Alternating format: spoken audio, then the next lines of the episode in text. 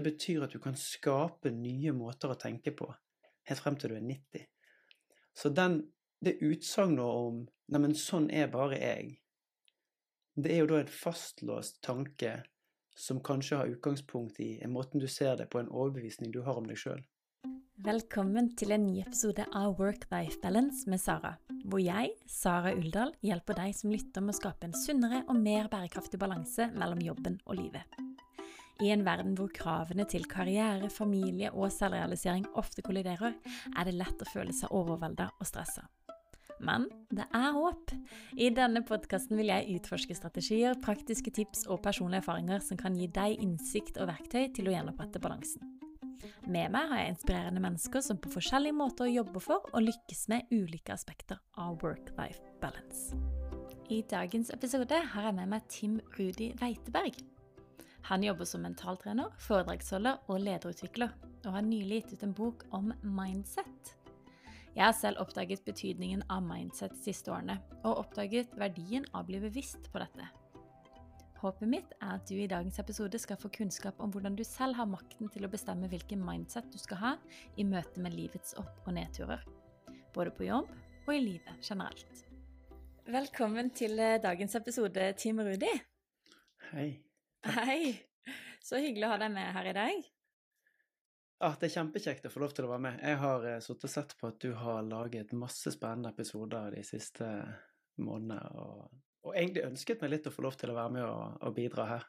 Ja, og du ble jo name-droppa av eh, Fredrik Fones, faktisk. Så siden han gjorde det, så har jeg også hatt lyst til å ha med deg, for du har så utrolig mye nyttige og spennende tanker om eh, mentale verktøy og hvordan vi kan eh, ja, bruke tankenes kraft, da, for å si det sånn, til å mm. leve bedre liv. Så det er det vi skal snakke om i dag. Du har akkurat eh, gitt ut en bok som heter 'Det ingen lærte meg om mindset'. Og i dag skal vi snakke om mindset, eller tankesett, som vel er det norske mm. ordet. Og hvordan vi kan bruke mindset uh, til å kanskje oppnå da en bedre work-life balance. Så uh, jeg likte veldig godt starten på boka di, for der skrev du jeg er glad for at nettopp du har åpnet denne boken. Det er en oppsummering av 20 år med erfaringer, feil og innsikt. Så mm. kan ikke du begynne bare å dra oss litt sånn kjapt gjennom de 20 åra, og hvordan du endte opp eh, med å jobbe med det du jobber med i dag? Ja, og, og tittelen på boken, den sier egentlig veldig mye av det. For det at etter 20 år så ser jeg at det var så mange verktøy jeg skulle ønske at jeg, jeg fikk mye, mye tidligere i livet. Ja. Og, og, og, en av de tingene handler om det bildet jeg hadde av meg sjøl de første 19 årene av livet mitt. Uh, når jeg satt på skolen og hørte noen av de andre i klassen rekke opp hånden og svare, så sammenlignet jeg meg. Liksom, ja, men han har det, hun har det, jeg har det ikke. Og hver gang det var ting som skulle presteres i. Hvis ikke det lå lett for meg, så kunne jeg fort gi opp. Og i det så, så jeg, var jo, jeg var jo en blid og glad gutt i oppveksten. Men samtidig, når jeg lukket øynene mine, og når jeg lukker øynene mine og ser tilbake, så ser jeg alle de situasjonene der tankene mine gjorde meg mindre, gjorde meg til et mindre menneske enn det jeg var. Og jeg tror at hadde jeg visst at det du trenger å gjøre for å bli god i noe, det å prøve flere ganger. Hadde jeg visst at det å stoppe opp og reflektere, lage nye strategier, spørre om hjelp, var en farbar vei, så tror jeg at utgangspunktet hadde vært annerledes. Når det, når det, er sagt, så sitter jeg jo her på grunn av det, så jeg vil jo ikke ønske at noen ting skulle vært annerledes. Men det er bruker, I boken så beskriver jeg det som at du får en du tenker på deg sjøl som at du får en, en, pakke når du blir født. Og oppi den pakken eller oppi den boksen så ligger det et sett med, med ferdigheter og forutsetninger. Og sånn var det for meg når jeg så oppi der og så tenkte jeg sånn Ja, men dette er det jeg har med meg. Og hvis det er noe annet som kreves av meg, nei, så ligger ikke det til meg. Så da kan jeg like godt la være.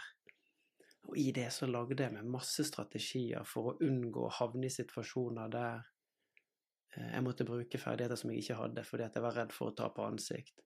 Jeg snakket meg sjøl ned og trodde ikke at det var vits i å yte noe innsats i det hele tatt. Mm. Og så kom du til et punkt da hvor du kjente at uh, ok, istedenfor nå å bare akseptere det jeg ikke er god til, eller det jeg tror jeg ikke er god til, så begynte du å utfordre det?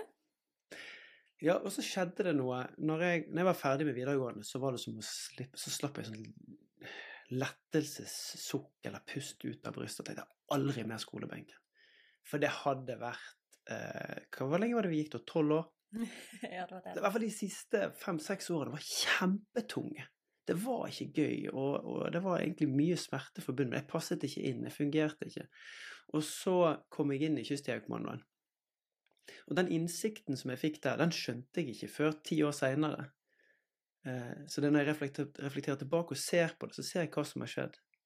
Men når jeg sto der oppe, og, og, alle hadde fått uniformene sine, alle hadde fått utstyret sitt, og vi var begynt å øve på ferdigheter, så skjønte jeg at her var det tømrere, elektrikere, det var allmenne videregående, det var masse, det var musikere, det var alle mulige folk.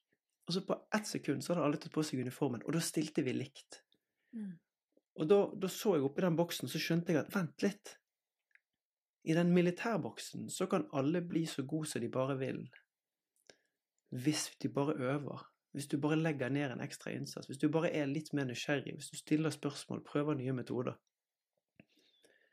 Og det gjorde jo at jeg fikk en helt sånn fornyet energi og, og glede og kraft i det jeg gjorde. Og sammen med den energien, gleden og kraften, så kom jo òg resultatene. Og jeg fikk anerkjennelse for at jeg akselererte, og for at ferdighetene mine ble bedre, og at jeg fikk spilt ut det potensialet som lå der. Og det var 19 år inn i livet mitt, så skjønte jeg at hm, her, kan, her er det faktisk muligheter. Ja. Og det jeg, jeg, tror ikke at jeg skjønte det der og da, det bare skjedde det. Men det å fange det i ettertid og gjøre det til et budskap har vært utrolig viktig for meg. Ja. Fordi at jeg ser at Og det her er kanskje et sånn viktig skille, da. Når, når jeg snakker om tankesett og de indre teoriene vi har om oss sjøl, så handler ikke det om at du ikke skal gjøre dine feil, og at ikke du skal gjøre ting som, som gjør litt vondt, og som gjør at du må må utvikle deg og tenke nye tanker. Men i hvert fall så må spillereglene for hvordan vi fungerer som mennesker, være tydeliggjort, sånn at du kan identifisere hvor du er hen.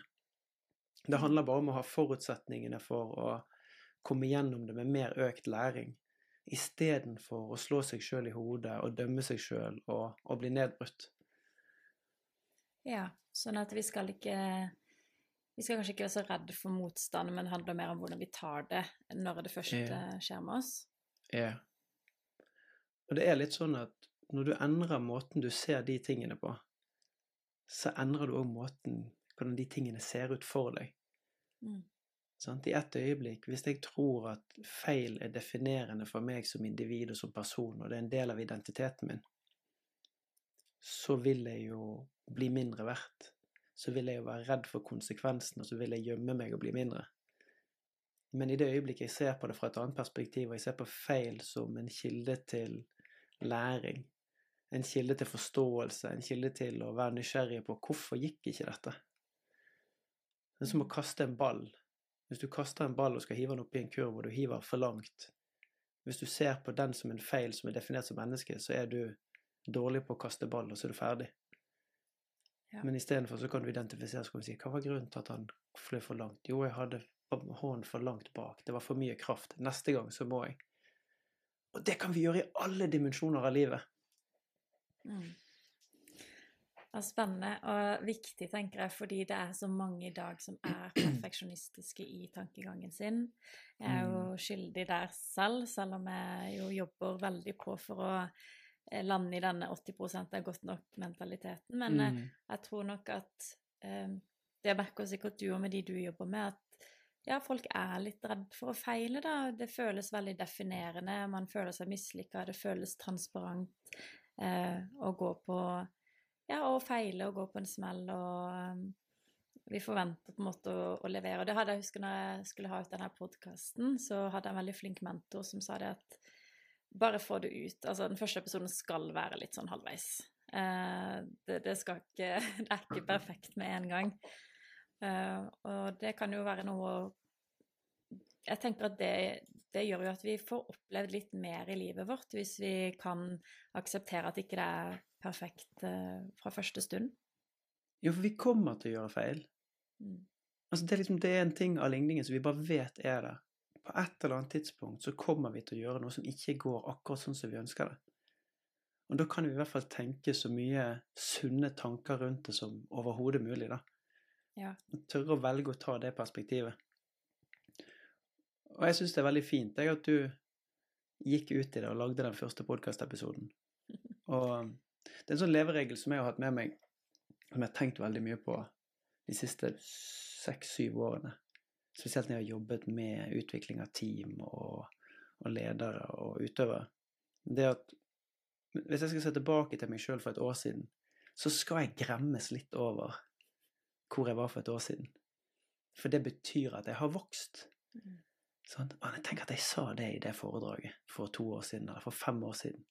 Det betyr at du er i kontinuerlig vekst og utvikling. Ja. Og det er, jo, det er, jo, den konstante faktoren som vi mennesker står i. At det er én ting som er helt sikkert. For hvert minutt som går, så endrer vi oss. Og tankesett handler jo egentlig om hvem vi er i møte med den utviklingen og de endringene. For det er ikke statisk. Det har det aldri vært, og det kommer det aldri til å være. Mm. Så hva, hva, tenker du er hvis, uh, hvis, man har en person som er veldig redd for å prøve noe nytt fordi den er så redd for å feile? Er det en sånn en konkret tanke den kanskje kan hvile i litt for å utfordre seg selv allikevel? Jeg tror det er veldig viktig å identifisere kilden til frykten. Mm. Um, og det å tørre å stå lenge nok i hva er grunnen til at jeg ikke vil gjøre dette? Og det er et sånt skille som vi kan se på. Veldig ofte når noen sier 'nei, det kan jeg ikke gjøre', så handler ikke det om å ikke kunne og ikke ferdigheter, men det handler veldig ofte om at vi ikke vil. Og det å tørre å stå i 'men hvorfor vil jeg ikke dette'? Og så kommer det kanskje at jo, hvis jeg, hvis jeg gjør dette, så er jeg redd for at hvis jeg mislykkes, så vil jeg ta på ansikt. Eller hvis jeg mislykkes, så Frykten for å prikk, prikk, prikk. Der, der finner vi svaret. Og så vil vi jo se at hvis vi, hvis vi er redd for noe, sånn helt på ekte, så, så lager vi oss mestringsstrategier for å unngå det. Ja. For tre, for tre år siden så var jeg livredd for å lage innhold på internett. Jeg klarte ikke å holde opp telefonen og snakke inn i telefonen for å dele det ut eh, med verden. Og for tre år siden da var jeg mye mer selvhøytidelig enn hva jeg er i dag. Veldig, veldig redd for hva du syns og mente om meg. Mm. Og, og, grunnen til at jeg tar det opp som et eksempel, det, det, er fordi at jeg måtte flytte måten jeg tenkte om deg på, og så måtte jeg flytte måten jeg tenkte om meg sjøl på. Sånn? På det tidspunktet så var jeg opptatt av å bevise at jeg var flink nok til å være på internett, sånn at jeg kunne lage en video som du skulle se på. Jeg skulle hele tiden bevise statusen min. Um, og i det øyeblikket jeg skal bevise noe for deg, så kan du ta det vekk med å bevise at jeg ikke er god nok. Mm. Så jeg måtte, jeg måtte, reframe, jeg måtte tenke annerledes om det og si ok, men hva er det jeg skal bidra med? Og i det øyeblikket jeg tenker at jeg skal bidra med noe noe som jeg har lært, noe som jeg har forstått, noe som jeg har sett, og lager en video på det, så tenker jeg at dette kan bidra til at Sara ser 2% annerledes på hvordan det er å, å ha en work-life balance, eksempel. Ja. Sånn, så, så, i den frykten, da Veldig ofte så er den frykten knyttet opp til at jeg skal opprettholde en status. Sånn, hvis jeg får lov til å spinne litt videre på det, da. Mm. Talentdiskusjonen i en talentdiskusjon, uansett om det handler om, om mennesker i, i ungdoms- og barne- og ungdomsidretten, eller om det handler om talenter i mentorprogrammer i selskaper I det øyeblikket jeg gir deg talentdefinisjonen eller begrepet, så fratar jeg deg all den innsatsen du har lagt ned. For da sier jeg til deg at i denne pakken som du fikk, Sara, så fikk du talentet. Og så er det bare tull. Mm. Det er bare sprøyt, for du har gjort alt det du har gjort frem til det tidspunktet der noen legger denne merkelappen på deg. Mm. Men utfordringen er at når du får talentmerkelappen på deg, så frarøver jeg deg Hvis det er meg som gir det til deg, så frarøver jeg deg all den innsatsen du har gjort for å komme dit. Samtidig så begynner jeg også å rote litt i de mentale modellene med deg. Og så går det tre måneder, og så skal du stå i en situasjon der du skal holde et foredrag, holde en presentasjon, levere en rapport, gjøre et eller annet, ut på idrettsbanen. Og så tenker du hvis jeg, hvis jeg gjør feil nå, så er jeg kanskje ikke det talentet lenger. Da blir det svart-hvitt. Da er det vinn eller tap. Mm. Det er noe av det som jeg syns er så utrolig spennende med det her. Ja. Ja, det var Sånn har jeg ikke tenkt på det før, og det ikke sant? Det er, jo, det er jo ment godt òg, sikkert for mange, det der med at Ja, så talentpakke og sånn, men altså, det er jo Jeg tenker jo eksempel på nettverking, da. Jeg har jo ikke likt å nettverke. Og så fikk jeg råd du må nettverke hvis du vil skape noe selv. Og det derre å gjøre noe selv om du ikke er komfortabel med det eh, og så, Det er en utfordring. Og så etterpå så kan folk si til meg at du er jo så flink til det, og det er jo så lett for du. Og det er sånn Lett for meg? Altså, ja, nå etter et år så begynner det å bli Mm. bare hygge, eller mye hygge å gjøre sånne ting. Jeg kan jo fremdeles være litt nervøs før en nettverkingskaffe, men det har søren meg ikke kommet gratis. Det er ikke noe sånn eh, ekstroverte greier i meg som bare elsker å ut og prate med frem, nye og fremmede på ukentlig basis. Så det er noe med at man Ja, jeg tror det er viktig som du sier, at man må jo gi seg sjøl litt sånn cred for den jobben man har gjort, og for å eh, For å skape og for å være den man er, da. At ikke det bare er noe Ja, det- som ligger for deg. Og det er akkurat det. Og vi skal gi oss sjøl så masse cred som overhodet mulig. Og vi i, I Heart Mentality så har vi et begrep som vi kaller for gold out. Altså refleksjon som vi gjør i etterkant. Og jeg tror at en del av feilkilden til at hvorfor vi, vi ikke tar med oss denne innsikten og læringen underveis, det er at vi stopper heller ikke opp og stiller oss selv spørsmålet hva er grunnen til at jeg nå mestrer dette? Sånn At vi nå ser de ulike stegene. Alt det du har gjort det siste året. Sånn jeg er sikker på at du var akkurat like nervøs som jeg var før du trykket 'publiser' på det første LinkedIn-innlegget ditt. Ja. Sånn. Og i dag, når jeg ser de innleggene du skriver, så ser jeg at du skriver fra hjertet. Mm. Og det, og det kommer jo ifra at du har eksponert deg, du har tørt å tenke, du har prøvd. Du har kanskje noen innlegg som jeg ikke har sett fordi de har floppet, og så har du justert. Ja. Mm. Den refleksjonen, den er så viktig. Det å stoppe opp og ta seg tid når vi lykkes, og når vi mislykkes, til å få den innsikten. Ja. I boka di så er det et sitat hvor det står eh, Enten du tror du kan, eller du ikke kan, du har rett, av Henry Ford. Mm. Og jeg regner med at eh, det oppsummerer vel kanskje dette med mindset ganske bra. Eh, så hva, hvordan kan vi på en måte definere det begrepet om hva mindset handler om? Jeg, jeg har prøvd å lete etter hva en god definisjon på mindset er. Jeg kan heller prøve å forklare det. Jeg syns det er vanskelig å definere det. Mm. Eh, Men vi sier at mindset handler om de indre teoriene vi har om oss sjøl.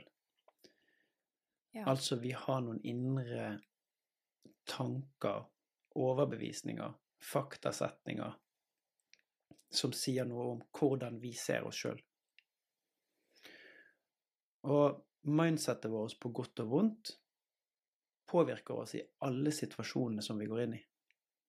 Hvis du gir meg en utfordring, så vil da tankesettet mitt, mindsettet mitt om hvordan jeg tror på meg sjøl, påvirke hvem jeg er i møte med den utfordringen. Veldig, veldig glad i å, å ramme dette inn i Carol Dweck sine teorier. Som jeg, det gikk opp for meg når jeg skrev boken, at de er snart 20 år gamle. Men fortsatt veldig, veldig aktuell og veldig, veldig levende. For hvis jeg har en fiksert måte å tenke på, som på norsk kan bli eh, fastlåst, og du gir meg en utfordring, så vil jeg vurdere utfordringen i forhold til vil jeg lykkes eller ikke.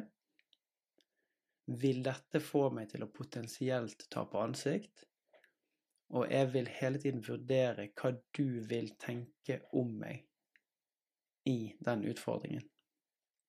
Og når jeg møter motstand, så vil det bli en kilde til frustrasjon, irritasjon, sinne og gjerne eksternalisering. Altså at jeg plasserer årsaken til at jeg mislykkes, utenfor meg sjøl.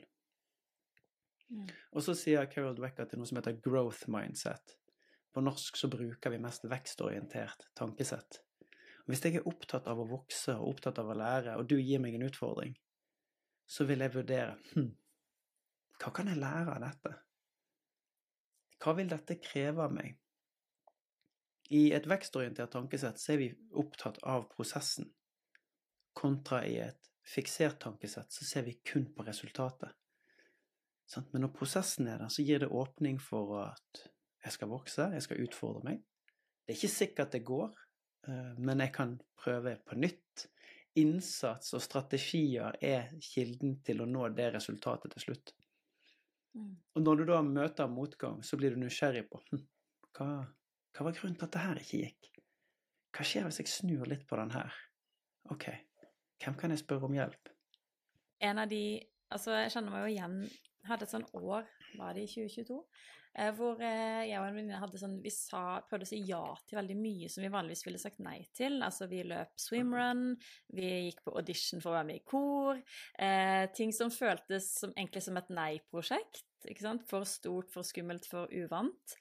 Eh, men så bestemte vi oss for å Ja, vi må bare liksom utfordre det mindsettet der, da. Vi må, mm. vi må begynne å tørre. Vi må Ja. Og konsekvensene var jo bare fantastiske. Altså, jeg koser meg aldri så mye som når jeg er på korøving to timer i uka nå. Eh, og sikkert mange som føler at de er litt sånn satt når de blir voksne. Jeg hørte en gang at personligheten vår er satt når vi er 27 år, som er en sånn veldig deprimerende tanke, som jeg jo føler ikke stemmer. Altså, kan alle endre seg til enhver tid? Hvordan skal man gå fram for dette og komme seg ut av et låst tankesett og over i et uh, åpent, da? Hvis jeg, skal, hvis jeg, skal, forsøke å pakke det inn sånn som det gir mening i hodet mitt, så skal jeg forklare litt hvorfor det er litt sånn som vi ser det i dag. Det var en studie som kom på 90-tallet i USA, der eh, foreldre ble spurt om de trodde at barn var født med mulighet til å lære ting, eller om de var født med eh, en, en, fastsatt eller en fixed traits da, til å kunne utvikle seg i livet. Og da sa 85% at de mente at barna var født med et sett med ferdigheter, og det var det de skulle ut i livet og bruke. Og det sier noe om den utfordringen som vi står overfor i 2024. Og jeg har lyst til å, å si litt om det, for det, den her generasjon perfekt, sånn, generasjon prestasjon De har fått mange merkelapper, de som er et sted mellom 20 og 30 i dag. Men kan vi da dra en hypotese om at grunnen til at de har det sånn som de har det, er fordi at det de har fått tilbakemeldinger på fra de var liten, det at 'dette ligger til deg, dette ligger ikke til deg'. Mm. Det, det, innsats er fraværende i måten vi får tilbakemeldinger på. Og det er liksom for å svare på spørsmålet ditt. Vi kan endre oss. Det, det er blitt bevist at oppimot nesten nærmere 90 år så endrer de nevrologiske eh, hjernebanene seg. Altså hjernen er formbar. Nevroplastisitet. Opp til nesten 90 år. Det betyr at du kan skape nye måter å tenke på helt frem til du er 90. Så den, det utsagnet om 'neimen, sånn er bare jeg', det er jo da en fastlåst tanke som kanskje har utgangspunkt i en måten du ser det på, en overbevisning du har om deg sjøl. Hvis vi endrer måten vi gir oss sjøl tilbakemeldinger på, eller hvis vi endrer måten vi gir hverandre tilbakemeldinger på, så vil òg tankesettet endre seg. Ja, si litt mer om det. Når, når vi har Vi kan ta, ta arbeidssituasjonen, da, mm. siden det her er kjerneområdet ditt. Når en medarbeider har gjort en, en god prestasjon. F.eks. Eh, analysert, skrevet og presentert en rapport. Så står vi overfor en situasjon der kolleger eller leder skal anerkjenne dette.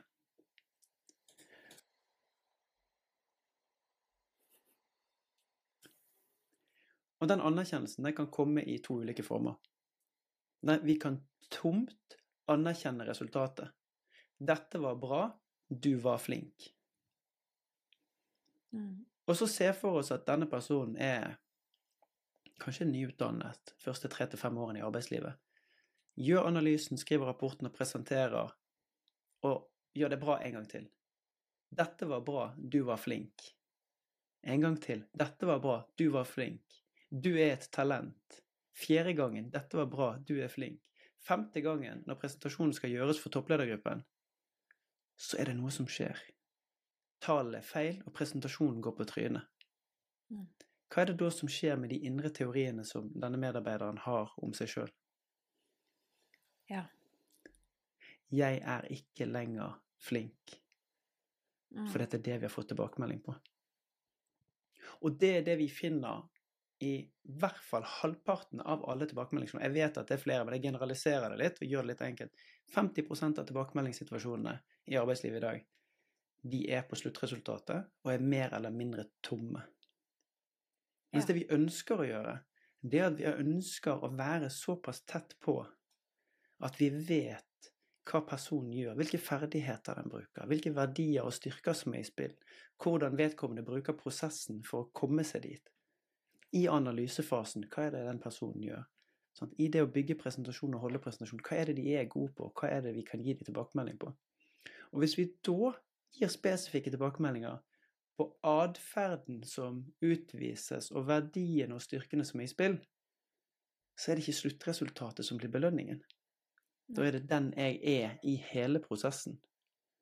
Og får jeg de tilbakemeldingene fire ganger på rad, og så står jeg femte gangen, og så snubler jeg, så vet jeg at da kan jeg bare gå tilbake, og så kan jeg lete etter hvor henne det var, hva jeg må gjøre annerledes, og så gjøre det annerledes til den sjette gangen. Ja. Ja, det er jo kjempe... For det er så fort å si, ikke sant? Ja, så, så god du er. Og så eh, lar man det stå med det, men det gir jo veldig mening, sånn som du legger det fram nå. Og jeg tenker jo at faktisk, hvis du kjenner personen eh, og har et litt større spekter av tilbakemelding du gir, så kan jo også en presentasjon som går dårlig, eh, faktisk innebære en positiv tilbakemelding. Altså, fordi det kan være eksempel du var så god til å takle det at dette gikk skeis, eller at det, ikke du fikk bytta den sliden. Altså, det er jo rom for tilbakemelding selv om ikke alt har gått bra, som personen kan vokse på, da, istedenfor at det bare er bra eller dårlig. Anja, Anja har lært meg en metode, hun har brukt den i mange år, den heter 3-1-metoden. I denne refleksjonen og gold og som gir oss utgangspunkt for tilbakemeldinger. Og i den 3-1 så skal du finne tre ting som du syns du lykkes med, og så én ting du vil gjøre annerledes. Og det er alltid mulig å finne tre ting du lykkes med, uansett hvor lite det må være. Og det er måten å tenke på. Det gir oss energi, det gir oss påfyll, og så er det én ting vi skal justere til neste gang. Mm. Og alt dette er med på å påvirke tanken vi har om oss sjøl. Hvis vi blir litt sånn på arbeidsplassen Det er jo mange som har det tøft på jobb. Det kan være flere grunner til det. Arbeidsplassen er jo liksom en arena hvor vi kanskje tolker mye. eh, Vi kan tilegne andre meninger. Altså det er mye sånn psykososialt på en arbeidsplass. Eh, Er det noen måter vi kan være mer bevisst på mindsettet vårt i forhold til eh, ja, hvordan vi tolker andre, hvordan vi, hvordan vi f.eks. tar da, tilbakemeldinger, eller alt dette Mm. som ikke sies, men som kanskje leses mellom linjene, da. Eh, for jeg ser jo for meg Mm. at det er jo nok grobunn for veldig mye misforståelser og kanskje subkulturer på en arbeidsplass, da. Ja, og på en arbeidsplass så tror jeg at den største barrieren vi har før vi kommer på det mellommenneskelige medarbeidernivået, det er jo om det her er en kultur der man belønnes for de resultatene man lager, eller man belønnes for prosessen. For det vil da avgjøre om vi er redd for å prøve nye ting, eller om vi er redd for å gjøre feil. Og hvis vi er redd for å gjøre feil, eller redd for å prøve nye ting, fordi at det får negative konsekvenser, så vil òg tilbakemeldinger være et angrep på meg som menneske, ikke på mine ferdigheter og ting som kan gjøre annerledes. Så veldig ofte så ser vi det at når vi får Altså bare det av å høre på denne podkasten øker sannsynligheten for at vi blir mer læringsorientert eller mer vekstorientert. For vi blir bevisst de mentale prosessene. Men på arbeidsplassen, de som jeg jobber med som trener på dette, de ser jo da at når jeg får en tilbakemelding, så er det en kilde til læring. Det er en kilde til innsikt. Og det, hvis jeg ikke skjønner det som du sier, hvis jeg syns det gjør litt vondt, så skal jeg fortsatt være nysgjerrig. Sånn at i læring og i vekst så er nysgjerrighet den absolutt viktigste ingrediensen. Så når du kommer til meg og så sier du, du Tim Rudi, det er én ting jeg har sett at du gjør. Eh, når, du gjør podkaster, så sier du ting på denne måten, eller du oppfører det på denne måten. Og jeg ikke vet hva det er, skal jeg si. Og det var interessant. Det har ikke jeg tenkt på før. Kan du si litt mer om det, for jeg vet ikke om jeg forstår det. Og gjennom det så vokser det en kultur av et ønske om å bli bedre, et ønske om å skape felles innsikt, og gjennom det vokse. Mm. Og så tør jeg òg å påstå at i det øyeblikket du har den kulturen, og vi har anerkjent at det er lov å gjøre feil, og det er lov å prøve, så er vi steget før det psykososiale arbeidsmiljøet og psykologisk trygghet. Psykologisk trygghet har jo Jeg har jobbet med det i syv år. Nå begynner det å ta skikkelig, skikkelig fart. Og en ting som vi overser før vi går inn i forskningen til Amy Edmundsen, det er jo at hvert enkelt individ rundt dette bordet har jo det første de tar med seg inn, er tankene sine. Så måten jeg tenker om meg sjøl på, reflekterer måten jeg tenker om gruppen på. Og det skjer lenge før jeg vurderer tryggheten. Mm. Så hvis jeg tenker at det er farlig å være her fordi jeg er redd for å si at jeg syns noe er vanskelig, så er tankene det steget vi må starte med. Ja. Gir det mening? Ja. Så alt det vi har snakket om frem til nå, i dimensjonen av mindset, mm. vil påvirke hvem jeg er i møte med det kollektive på arbeidsplassen. Og. Derfor så kan vi ikke overse det. Når vi har et ønske om å jobbe med psykologisk trygghet, så mener jeg at vi òg må tørre å snakke om de mentale prosessene som leder til psykologisk trygghet, eller ikke. Ja. Jeg er veldig enig. Veldig enig. Jeg tror veldig mye misforståelser hadde vært unngått hvis vi hadde snakka mer om de mentale prosessene mm. og følelser eh, på jobb. Eh, mm. Fordi det er mange som eh, tolker andre, og så istedenfor å ta det med den og si 'sånn opplevde jeg dette', så går de heller til en kollega og sier 'hun er sånn', eller 'han er sånn'. Mm. Mm. Og alt kan være basert på da en tolkning av et blikk, en setning Altså Ehm, jeg tror, eh, som du sier, vi må snakke, vi må snakke mye mer om, om de her tingene for at det skal bli mer psykologisk trygghet på arbeidsplassen. Yes. Og så er det én ting som er veldig viktig når vi, når vi, snakker om tankesett. Det er jo hvordan tankene fungerer inni oss. Og veldig ofte så er tankene våre spørsmål. Og hjernen vår er skapt for å svare på spørsmål. Og, og, det er en dame som heter Marilee G. Adams. Hun har skrevet en bok for godt over 15 år siden som heter 'Change Your Question, Change Your Life'. Og jeg har tatt det som jeg mener er det mest sentrale i budskapet hennes, og så tatt det med inn i boken. For det er det vi trenger å forstå, er at hvis jeg stiller meg sjøl dømmende spørsmål om meg sjøl eller om deg, så vil jo gjerne si ja, men vent litt, så skal jeg finne ut hva det er som er feil med Sara, eller hva som er feil med Hvorfor får jeg ikke dette til? Jo, du får det ikke til fordi du er for lav, du er for treig, du er for dum, du har sovet for dårlig Altså alle disse forklaringene. Mm. Og vi har en hel rekke med spørsmål som skaper negative følelser i oss. Og så kan vi snu de spørsmålene til lærerne. Så kan vi si hva er mulighetene? Hva kan jeg lære? Hva var det egentlig Sara mente? Hvordan kan jeg bruke dette videre? Og det er mentale vaner. Vi har vaner som vi gjør i hverdagen i forhold til hvordan vi gjør det fysisk, og så har vi mentale vaner, de automatiserte prosessene. Og jeg syns det er kjempe, kjempegøy å snakke om når vi snakker om tankesett, er at mange av disse tingene her, det går automatisk. Det går kjempefort. At jeg vurderer at det du sier nå, er en trussel mot meg som individ og selvet mitt, og så lar jeg være. Mm. Og så går det veldig fort at jeg tenker å, det var spennende, hun har lyst til at jeg skal prøve noe nytt. Jeg skal faktisk bli med på audition og, og synge. Det har jeg lyst til å prøve. Det er mentale vaner. Mm. Nå har vi jo snakka litt om dette med mindset på jobb. Og så tenker jeg på privaten så har vi jo eh, ganske mange av oss har litt sånn heseblesende liv.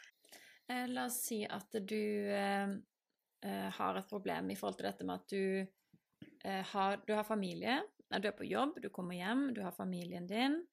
Du føler du må bruke all tiden din med dem. Men så føler du også at du må på trening. Eh, så du blir, Mm. du blir liksom dratt til eh, den forpliktelsen om å huske å trene. Da får du dårlig samvittighet eh, fordi du har hjemme, fordi at du har jo tross alt vært på jobb hele dagen, så nå må du bruke tiden med dem. Og egentlig har du ikke overskudd til noe av det. Og kanskje man ender opp bare med å scrolle og ikke bruke tida på noe fornuftig. Er det noen måte vi kan altså, bruke da mindset for å kanskje ta bedre valg for oss selv da, i hverdagen? En av hovedkonsekvensene av å bli bevisst egne tanker, er òg at det gir oss muligheten til å se hva er det jeg kan bestemme sjøl. Hva er det jeg har handlekraft og råderett over sjøl? At vi flytter oss fra baksetet på bilen og frem og tar hendene på rattet. I det øyeblikket du blir bevisst tankene dine, så blir du òg bevisst hva det er som påvirker dem.